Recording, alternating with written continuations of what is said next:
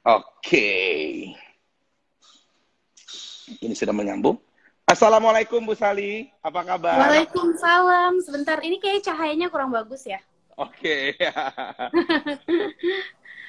ah, di sini better nih, agak kelihatan. Oke. Iya. Ibu Sali, apa kabar Ibu? Baik. Baik, ya kayaknya uh, rutinitasnya begitu luar biasa, tetap sibuk meskipun di tengah-tengah pandemi nih Bu ya. Sibuk ini ya, uh, berkegiatan yang bisa bermanfaat. Iya, kemarin juga ikut yang 99 Muharram ya Bu ya, kemarin ya Bu ya. Oh iya, sama itu I... Cinta Quran Amazing Muharram ya. Betul, ada menjadi pembicara di sana. Saya lihat, oh Bu Sali ternyata ikut juga. Bersama Ustadz Fatih Karim ya Bu ya kemarin ya Bu ya. Oke, Bu Sali, ya, betul. ini hari ini betul, Pak. Uh, saya Peter Chandra Gunawan bersama tim dari Ohana mengucapkan terima kasih banget Bu Sali udah mau join, mau ngobrol-ngobrol yang pastinya saya akan punya banyak pertanyaan mengenai Ibu Sali dan juga perusahaan yang Ibu pimpin hari ini, Bu Sali. Iya, sama-sama. Terima kasih banyak loh. Aku udah dikasih kesempatan untuk sharing bareng Pak Bapak ya, Pak Peter iya. ya. Iya, Peter Bu. Bu Sali, saya punya pertanyaan dulu nih uh, se sebelum kita memulai ke pertanyaan-pertanyaan berikutnya. Penjual kafan bisa menjadi uh, penjual batik yang kebetulan istri saya juga orang Cirebon, jadi kita sudah tahu sekali nih batik Rusmi. Nah, gimana Bu cerita cerita singkatnya dari penjual kain kafan bisa menjadi seorang penjual batik? Iya. Uh, Bismillahirrahmanirrahim. Assalamualaikum warahmatullahi wabarakatuh. Selamat malam teman-teman semua. Uh, senang sekali ya malam ini saya masih dikasih kesempatan untuk uh, bisa sharing sama teman-teman semua. Lebih ke ini ya uh, cerita, lebih ke cerita gimana sih uh, awal mula kami merintis bisnis kayak gitu. Jadi tadi pertanyaannya kok bisa dari kain kafan uh, berubah menjadi penjual batik gitu ya. jadi awalnya tuh kenapa aku sama suami jualannya kain kafan? Karena jawabannya itu yang paling gampang. Nggak uh, perlu mikir harus dimotif apa nggak perlu uh, pusing harus didesain model apa kita jualnya kain putih aja gitu. Karena memang saat itu kondisi kami sangat terbatas uh, dari modal pun kami cuma dari amplop pernikahan terus dari skill pun kami belum punya skill apa-apa karena memang kami saat itu masih usia 17 tahun baru lulus SMA tapi kami mengambil keputusan yang mungkin bagi sebagian orang sangat beresiko gitu mengambil keputusan untuk menikah di usia muda memulai usaha di usia muda itu kan nggak uh, mudah ya. Syarat dan ketentuan berlaku. Nah dari situ itu ya udah kami mencoba melakukan apa yang bisa kami lakukan saat itu. Jadi benar-benar uh, membuang kata tapi membuang kata nanti. Jadi nggak nggak maulah kami beralasan dan nggak mau kami uh, ditunda-tunda gitu. Karena kan memang niat kami baik ya pengen uh, memulai usaha. Jadi nggak usah ditunda take action aja gitu. Ya udah jualan kain kafan tapi setelah uh, kami jualan kain kafan, ternyata kain kafan ini nggak begitu apa ya, nggak begitu berkembang gitu kan. Penjualannya tuh segitu-gitu aja gitu. Jadi kami mengamati gitu. Ini bisnis kayaknya sulit untuk uh, maju karena pertama uh, konsumen yang membeli kain kafan itu nggak uh, pernah dua tiga empat tapi cuma beli satu gitu kan dan konsumen itu nggak pernah repeat order kalau udah beli kain kafan satu udah. Ya betul betul. Terus iya kan? Terus konsumen itu ya maksudnya nggak pernah stok beli banyak banyak kayak gitu. Terus kami juga bingung uh, gimana cara uh, strategi um, promosinya gitu. Nggak mungkin juga kami promosi misalkan buy one get one atau diskon 50% aja gitu. Kan ya minat gitu beli kain kafan. iya benar benar. Iya jadi setelah kami pikirkan oh kayaknya nggak worth it nih untuk uh, terus dijalani gitu. Uh, kami juga bingung cara doanya gimana gitu kan biar kain kafan kami banyak yang beli gitu. Ya jadi dari situ ngeri ngeri sedap juga nih gitu kan. Karena kami percaya doa itu akan kembali kepada mendoakan jadi kalau kita Iya. uh, mendoakan yang nggak baik nanti kembalinya nggak baik gitu kalau kita mendoakan yang baik kembalinya akan baik jadi ya udah deh daripada galau ya uh, ya udah itu kain sisa-sisa kain kafan tuh uh, kita kasih ke pengrajin batik jadi memang kabar baiknya bahan dasar kain batik ini yang saya pakai Mhm. itu bahan dasarnya adalah kain kafan. Jadi Oh, gitu. teman-teman semua nih yang udah punya batik, mungkin Pak Peter juga punya batik, Iya. coba deh dipegang. Kainnya katun, dingin, itu udah bisa dipastikan itu kain kafan loh dah- bahan dasarnya. Oh. Iya, iya, iya, iya, iya. Bu, sorry, saya potong Iya. sedikit. Tadi kan Ibu bilang umur 17 sudah merintis. Berarti, maaf nih Bu, Ibu kan nggak kuliah berarti ya Yes. Bu ya? Nggak kuliah, nggak punya Ya latar belakang betul. bisnis. Saya cuma dan saya SMA. juga SMA, saya baca juga bahwa orang tua itu bukan wirausaha juga ya Bu ya. Terus modal Ibu apa Bukan. saat itu? Betul. Waktu sama Mas Iya. Ibnu berusia 17 tahun, masih muda banget, masih kecil lah kalau kita bilang sekarang ya Bu ya. Masih Iya, sangat betul. kecil mau merintis bisnis, masuk ke sebuah ranah yang ibu sama sekali nggak tahu, modal ibu tuh apa Bu? Iya. Yang pertama sih modal saya adalah niat, niat yang sangat kuat. Saya karena saya eh, anak pertama ya, saya juga nggak pernah malu menceritakan latar belakang keluarga saya. Memang eh, saya berasal dari keluarga yang broken home. Jadi eh, kedua orang tua saya pisah, ya kan. Eh, dan saya ngerasa saya tuh punya tanggung jawab besar karena saya anak pertama, saya punya adik. Saya lihat ibu ibu saya single parent ya kan berjuang gitu untuk membiayai anak-anaknya. Jadi mau nggak mau aku harus juga bisa berjuang kayak gitu. Dan aku sadar diri gitu. Basic aku cuma lulusan SMA. Kalau aku minta maksa sama ibu aku untuk lanjut kuliah, kasihan juga malah membebani gitu kan. Iya. Jadi ya udah mau nggak mau lulusan SMA kerja pun paling diterima berapa gitu kan? Iya. ya kan? Iya, jadi ya udah memang harus usaha, nggak ada pilihan. Jadi nggak ada pilihan. Eh, kayak apa ya? Kayak the power of kepepet gitu. Udah kayak kepepet banget, udah pokoknya Iya. harus usaha gitu, harus nyemplung gitu kan ya udah gitu. Itu sih yang pertama niat yang sangat kuat. Yang kedua memang eh, kemauan. Aku tuh orang yang mau kerja keras, aku orang yang mau belajar, aku mau orang yang mau melakukan sesuatu hal yang baru. Dan aku Hmm. mau orang yang mau eh, melakukan hal yang lebih terus-terusan lebih karena aku Iya. juga punya harapan mendapatkan hasil yang lebih jadi kalau kita pengen hasil yang lebih kita harus berani berbuat yang lebih kayak gitu Do extra mile. Nah, Bu, ini banyak banget pertanyaan dari tadi Ibu ngomong soal Ibu meri- merintis usaha di usia muda. Nah, terus juga banyak pertanyaan gini, Bu. Itu kan di di Jalan Trusmi itu kan semua jual batik, Bu. Kalau kita masuk ke situ kan, Bu ya. Tapi kenapa punya Ibu yang paling besar? Itu pertanyaan pertama. Tapi sebelum masuk ke pertanyaan itu, bagaimana sih Bu memperkenalkan saat Ibu pertama kali pertama kali memulai usaha? Gue punya batik, mereknya batik Trusmi. Gimana memperkenalkan kepada orang-orang saat itu, Bu? Iya. Kalau aku memang organik ya. Dulu itu aku merintis secara organik. Jadi memang step by step. Step yang pertama itu aku mulainya dari menjadi supplier.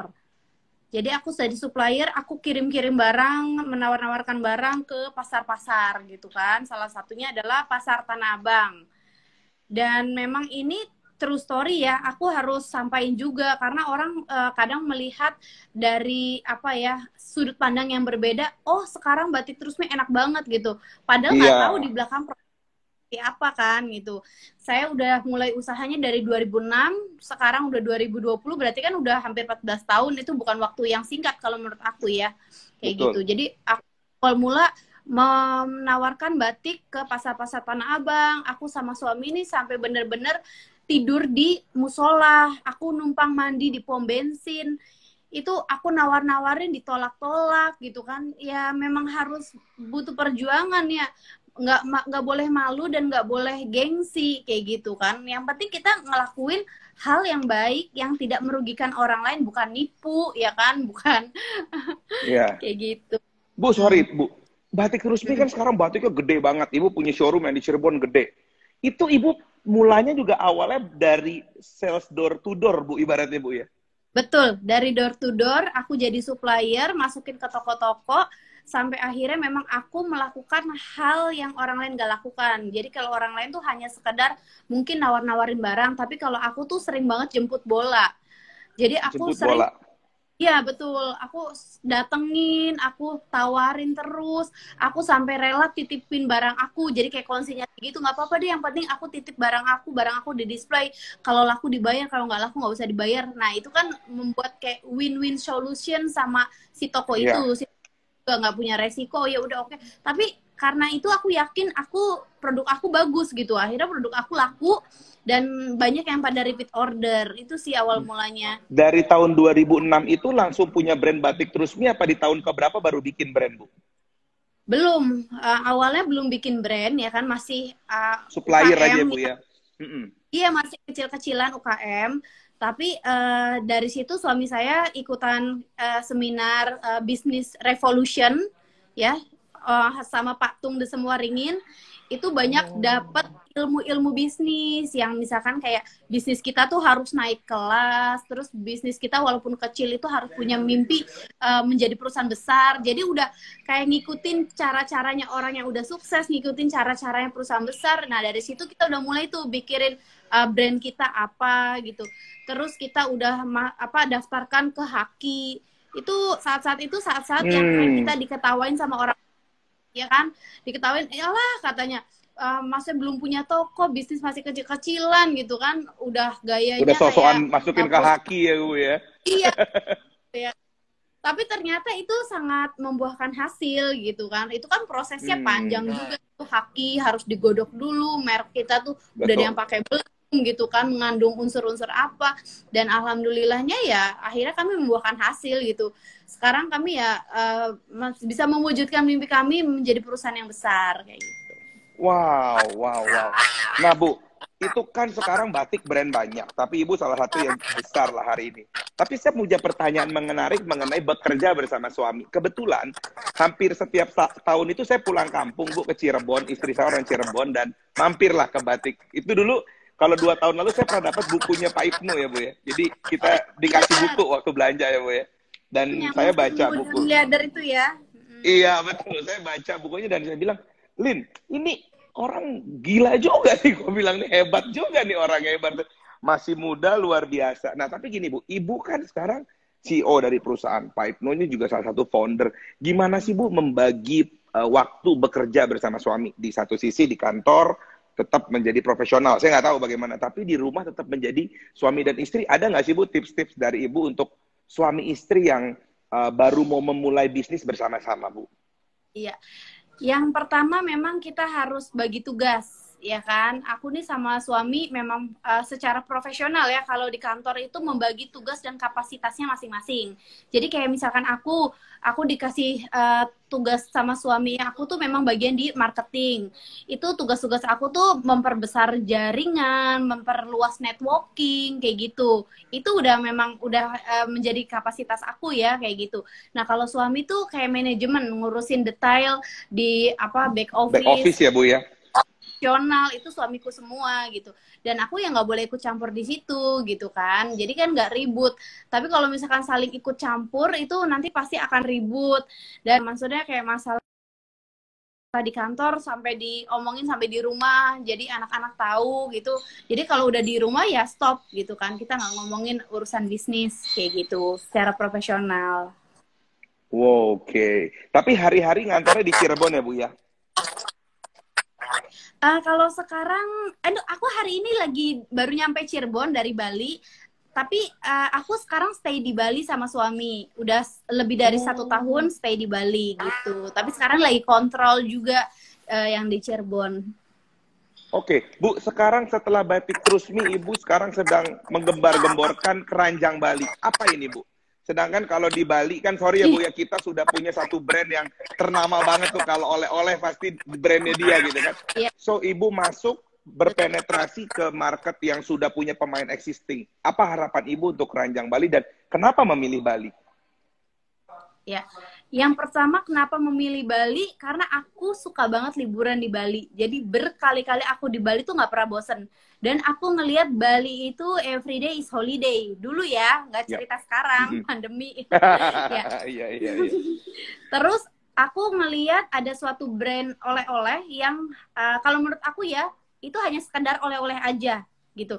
Dari tahun ke tahun aku datang ke Bali Eh, nggak uh, ada progres yang lain gitu kan hanya sekedar jual oleh-oleh yang ada di pasaran juga gitu nah di situ sih aku bilang wah ini kayaknya masalah nih orang akan ada titik jenuh ya kan oh kok gitu-gitu doang gitu nah aku pengen menjadi solusi ya jadi menjadi solusi itu aku membawa uh, brand baru ya kan yang bukan hanya sekedar oleh-oleh tapi memang benar-benar menikmati Bali dalam uh, keseluruhan itu dalam uh, satu tempat gitu. Jadi makanya aku kan uh, di keranjang Bali itu Bali dalam satu keranjang.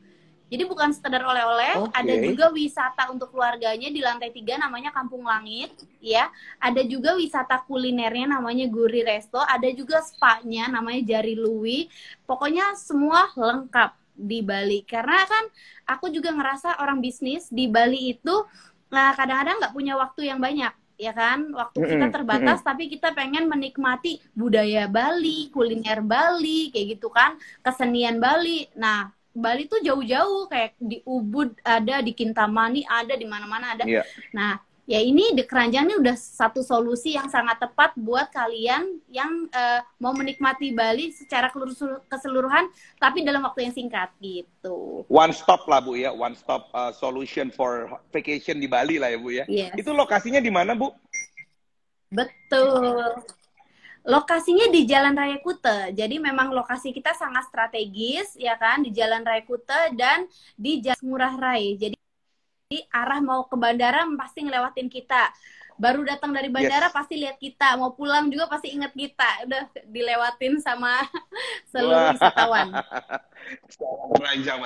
Nah bu ini kan ibu setelah berapa tahun tuh bu? Setelah 12 tahun atau 13 tahun uh, uh, eksis dengan batik, batik terusmi ibu baru membuat satu brand hmm. baru namanya keranjang Bali kenapa bu karena apa bisnis ini sudah cukup uh, existing atau ibu butuh new challenge atau lebih ke ya udahlah gue mau ada bisnis di Bali sebenarnya lebih ke passion gimana bu? Iya, yang pertama sih aku tuh orangnya selalu fokus karena aku pengen dapat hasil yang maksimal. Makanya dari dulu sebenarnya aku banyak banget tuh yang nawar-nawarin bisnis yang lain kayak bisnis fashion muslim gitu kan bisnis apa tas-tas apa aksesoris gitu tapi aku nggak pernah mau karena aku pengen fokus dulu hmm. di batik kalau batik udah termanage dengan baik, udah bisa kayak autopilot kita kontrol dari jauh tuh masih berjalan dengan baik, itu baru bisa kita coba di bidang lainnya gitu kan. Kita coba sesuatu hal yang lebih dari hanya sekedar jualan batik kayak gitu. Makanya aku bener-bener udah harus settle banget nih, ya kan batik terus nih gitu. Hmm. Baru aku berani uh, mengembangkan ke The Keranjang Bali kayak gitu sih dan aku pengen ada okay. sesuatu yang baru juga gitu kan yang berbeda yang punya value untuk konsumen. Hmm. Bu, tadi ngomong-ngomong soal autopilot. Nah, banyak anak-anak muda sekarang bisnisnya baru satu dua tahun, tiga tahun udah langsung mau autopilot. Kalau ibu kan sudah belasan tahun dulu berjalan, baru ibu bisa shifting ke Bali gitu ya bu ya. Ada tips nggak sih bu bagi anak-anak muda yang berpikir kayaknya bisnis tahun langsung mau autopilot, baru bisnis tiga empat lima tahun langsung mau autopilot. Tapi kan sebenarnya itu butuh waktu ya Bu dan butuh membangun fondasi ya Bu Salia. Iya. Jadi sebenarnya kalau menurutku aku aja nggak autopilot autopilot banget gitu kan. Aku sama suami hmm. tetap harus kontrol sidak langsung datang ke Cirebon gitu. Jadi jangan salah gitu. Kadang-kadang uh, banyak yang bah pengertian ya kan autopilot tuh kayak oh iya bisa uh, usahanya jalan uh, ownernya jalan-jalan terus udah gitu aja gitu nanti pasti akan ada masalah yang serius karena aku pernah juga ngalamin seperti itu gitu kan aku serahin ke orang yang aku percaya tapi ternyata hasilnya uh, tidak sesuai keinginan kita jadi kalau menurutku jangan uh, terlalu cepat ngambil uh, tindakan atau keputusan untuk autopilot gitu kan iya. tetap yeah. kita harus uh, kontrol dengan baik Betul. secara detail dan jangan sampai kita maksudnya mempercayakan keseluruhan kepada orang lain kayak gitu. Exactly, betul sekali Bu Sali. Nah Bu Sali, banyak sekarang anak-anak muda kita yang ah uh, sudah mulai berani membuka usaha, Bu. Ibaratnya, tapi kan bilang, ya tapi kan usaha gue cuma kecil, modal gue cuma kecil. Nah, sedangkan kan Bu Sali punya pengalaman nih, bener-bener modal dengan modal sekecil-kecilnya, dengan pengalaman sekecil-kecilnya. Ada nggak sih Bu tips buat milenial nih Bu, baru lulus kuliah atau bahkan baru lulus sekolah yang mau memulai bisnis, hal-hal apa saja sih Bu yang mereka butuhkan gitu, menurut versinya iya. Ibu Sali Giovanni? Kalau menurut versi aku, belajar dari pengalaman uh, saya dan suami yang memulai bisnis uh, dari apa ya kayak start small ya kan. Memang uh, kita apa ya kayak materi modal materi itu sebenarnya bukan modal utama ya. Yang modal utama itu sebenarnya dari diri kita sendiri. Diri kita sendiri yeah. tuh itu punya niat yang kuat nggak, punya kemauan yang sangat besar nggak gitu kan. Urusan uh, materi mah nanti nomor sekian karena uh, aku juga jujur yang di keranjang Bali itu bukan aku sendiri ada investor hmm. jadi yeah. Ya. uh, jangan khawatir gitu yang penting kita do the best ya kan kita upgrade skill kita upgrade ilmu pengetahuan kita gitu kan upgrade ilmu bisnis kita pasti nanti kalau kita udah menghasilkan sebuah karya itu akan dilirik oleh uh, orang lain gitu kan oleh investor investor oh ini keren juga ya gitu kan udah yeah. terbukti nyata terpampang nyata gitu kan karyanya Betul. oh ya gue mau deh ya kan uh, chip in di situ gitu, ya. gitu kan karena yeah. Yeah. ya invest karena terpercaya kan kayak gitu kalau aku gitu jadi kalau yang uh, baru-baru lulus kuliah gitu jangan pernah punya uh, mindset yang ah udah nanti deh gue uh, modalnya belum banyak misalkan gitu yeah. modalnya belum cukup padahal hmm. nggak hmm. apa-apa apa take action aja lakukan apa yang bisa kita lakukan sekarang karena sekarang itu waktu yang paling tepat sekarang gitu kan jadi nggak nggak ditunda-tunda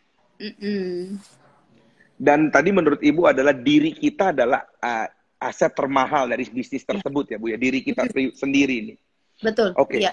Bu, bu Sali saya juga penasaran dengan buku yang Pak Ibnu baca yang itu uh, dibilang bahwa ibu ini kan membudidayakan masyarakat masyarakat sekitar uh, uh, apa hmm. kota Cirebon atau lingkungan ibu di daerah Trusmi itu untuk uh, menjadi uh, penjahit lokal lah atau ibaratnya uh, vendor sub dari ibu.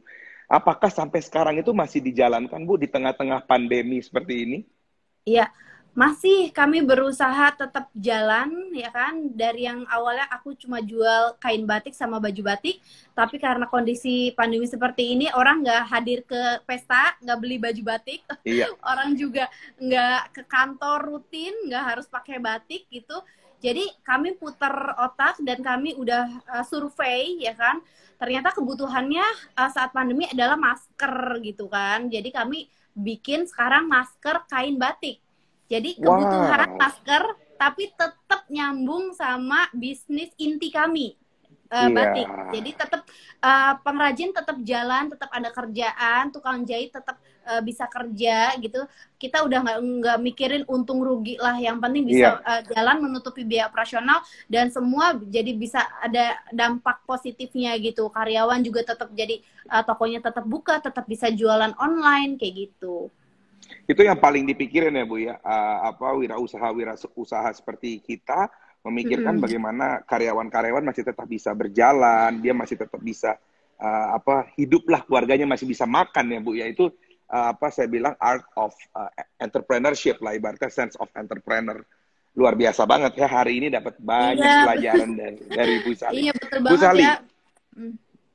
Bu Sali ini ada pertanyaan juga. Ini mengenai batik dan millennials ibaratnya anak-anak muda sekarang ini apakah mencintai batik atau tidak Bu? Dan bagaimana Ibu uh, memperkenalkan batik ke anak-anak mungkin anak-anak kuliah-kuliah semester awal? Bagaimana cara uh, grup Ibu atau company Ibu memperkenalkan batik ke millennials itu?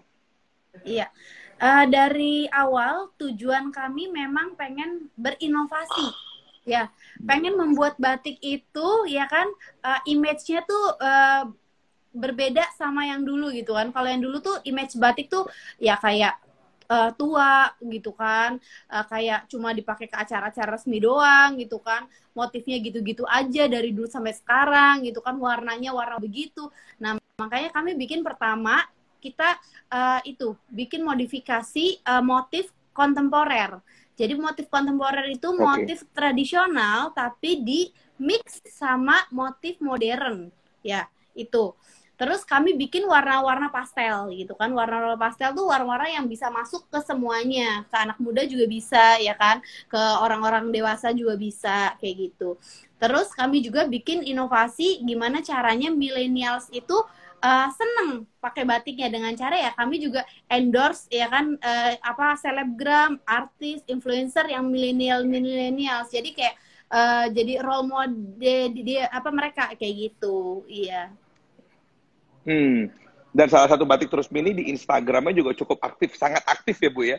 Uh, apa memberikan apa uh, iya, benar. apa model-model terbaru dari dari batik terus mini. Wow, mm-hmm. itu keren banget. Nah, Bu Sali ini, saya juga punya pertanyaan. Dulu waktu memulai, setahu saya batik terus mini itu selalu bilang termurah, termurah dan termurah. Tapi hari ini dengan ibu punya banyak begitu banyak karyawan, punya kos di belakang, pastinya harga batik terus terusmi tidak menjadi yang termurah ya Bu saat ini. Tapi kok orang kalau ke Cirebon udah identiknya dengan udahlah ke batik terus terusmi aja ya. Udahlah ke batik terus terusmi aja. Itu gimana Bu cara Ibu bikin uh, sampai masyarakat atau uh, wisatawan seperti saya dari Jakarta ke Cirebon uh, sudah taunya brand Ibu dan maaf ya Bu ya kalau saya nggak salah kalau kita compare mungkin ibu sudah nggak yang paling murah, tapi kan memang kalau belanja di tempat ibu nyaman, ya kan uh, tempatnya enak, toiletnya bersih itu gimana Bu cara bangun uh, apa ke masyarakat gitu, brand image seperti itu? Iya. Iya, kalau dulu kan kami masih toko kecil-kecilan ya, jadi memang benar-benar kami bisa garansi uh, kami menjual produk termurah kayak gitu kan. Bahkan kayak kami juga jual harga grosir juga. Nah seiring berjalannya waktu karena toko kami sekarang udah sangat besar terus juga biaya operasional juga udah lumayan ya kan? Karyawan juga udah lebih dari seribu karyawan. Jadi memang kos kami uh, udah mulai tinggi. Nah tapi kami tetap memegang prinsip bertanggung jawab termurahnya itu jadi bisa dicek, memang ada beberapa produk yang uh, termurah gitu kan. Kayak misalkan kami masih jual uh, home dress itu daster ya kan. seratus ribu dapat empat jadi cuma dua puluh lima ribu doang gitu termurah dengan kualitas yang sangat hmm. uh, apa sesuai ya kan kayak gitu nah tapi uh, dari buat menutupi operasional yang lain memang kami ada beberapa produk yang eksklusif ya kan? Produk-produk ya. seperti batik tulis ya kan? Seperti produk-produk yang uh, jahitannya butik kayak gitu itu memang harganya nggak bisa termurah dong ya kan? Karena menyesuaikan mm -hmm. kualitasnya itu nah dari situ kami bisa buat menutupi operasional itu. Dan itu juga menaikkan brand bisnis ibu bukan soal murah dan tidak tapi orang beli karena uh, because the quality ya bu ya. Karena kualitas dari ya. ibu memang bagus gitu ya Betul, memang kami yang pertama mementingkan kualitas, makanya kami juga yang paling murah itu ya sesuai dengan kualitasnya gitu. Jadi nggak nggak murah-murahan, bukan kualitas yang murahan bisa dicek gitu kan. Kami sangat -hmm. quality controlnya ketat banget, nggak bisa uh, walaupun kami jual murah tapi harus yang worth it gitu kan. Ya udah dengan harga segitu ya worth it uh, barangnya seperti itu kayak gitu. Wow, thank you so much Bu Sally kita udah ngobrol-ngobrol 30 menit dan saya banyak banget dapat influence, banyak banget pasti teman-teman semua yang nonton karena gini Bu, yang nonton ini tuh kebanyakan mereka yang sudah menikah 3 4 tahun atau yang akan menikah. Jadi wow. ini klien-klien kita. Jadi saya harap teman-teman semua juga mendapatkan pengalaman yang inspiratif yang uh, tentunya sangat mahal. Kalau teman-teman mau buka bisnis bersama pasangan atau bersama suami, uh, 30 menit ini kita sudah ngobrol-ngobrol sama Bu Sali dan uh, semoga menjadi inspirasi uh, inspirasi yang uh, apa baik buat kita semua. Thank you so much Bu Sali sudah ngobrol ya, 30 menit nggak berasa hati. banget. iya loh, seru Salam banget buat Mas ini sharingnya. Sama-sama, semoga bermanfaat. Ya, saya mohon ya, maaf Bu. ya semoga kalau di... ada salah-salah kata. Semoga di lain kesempatan bisa berjumpa langsung dengan Bu Sali dan Mas Ibnu. Iya, ayo nah, kapan nih pulang kampung Siap. ke Cirebon? Siap, nanti Cirebon kita pulang ya? kampung ke Cirebon. Istri orang Cirebon dan orang tua istri masih di Cirebon sampai sekarang. Oh, di mana Cirebonnya? uh, orang tua saya ada restoran Salt Bu Sali di Kuningan di situ, wow. bukan di Kuningan, di Gronggong. Di Gronggong. Itu restoran ter the best view-nya keren banget. Iya ampun, aku itu iya. restoran favorit aku sama suami loh. Kalau dinner oh, serius? gitu kan iya, karena itu benar-benar kayak golden view-nya kota Betul, Cirebon golden dari view. South gitu dan Dari makanannya juga enak banget. Thank you, thank you. Ya, South sama ada Golden View di sebelah. Nanti kapan-kapan kalau aku main ke Cirebon, aku kontak-kontak sama Bu Sali juga ya. Ayo dong dengan senang hati ditunggu Siap, ya di Cirebon. siap. Siap Bu Sali, thank you so much. Assalamualaikum Iya, Bu Sali. Waalaikumsalam warahmatullahi wabarakatuh.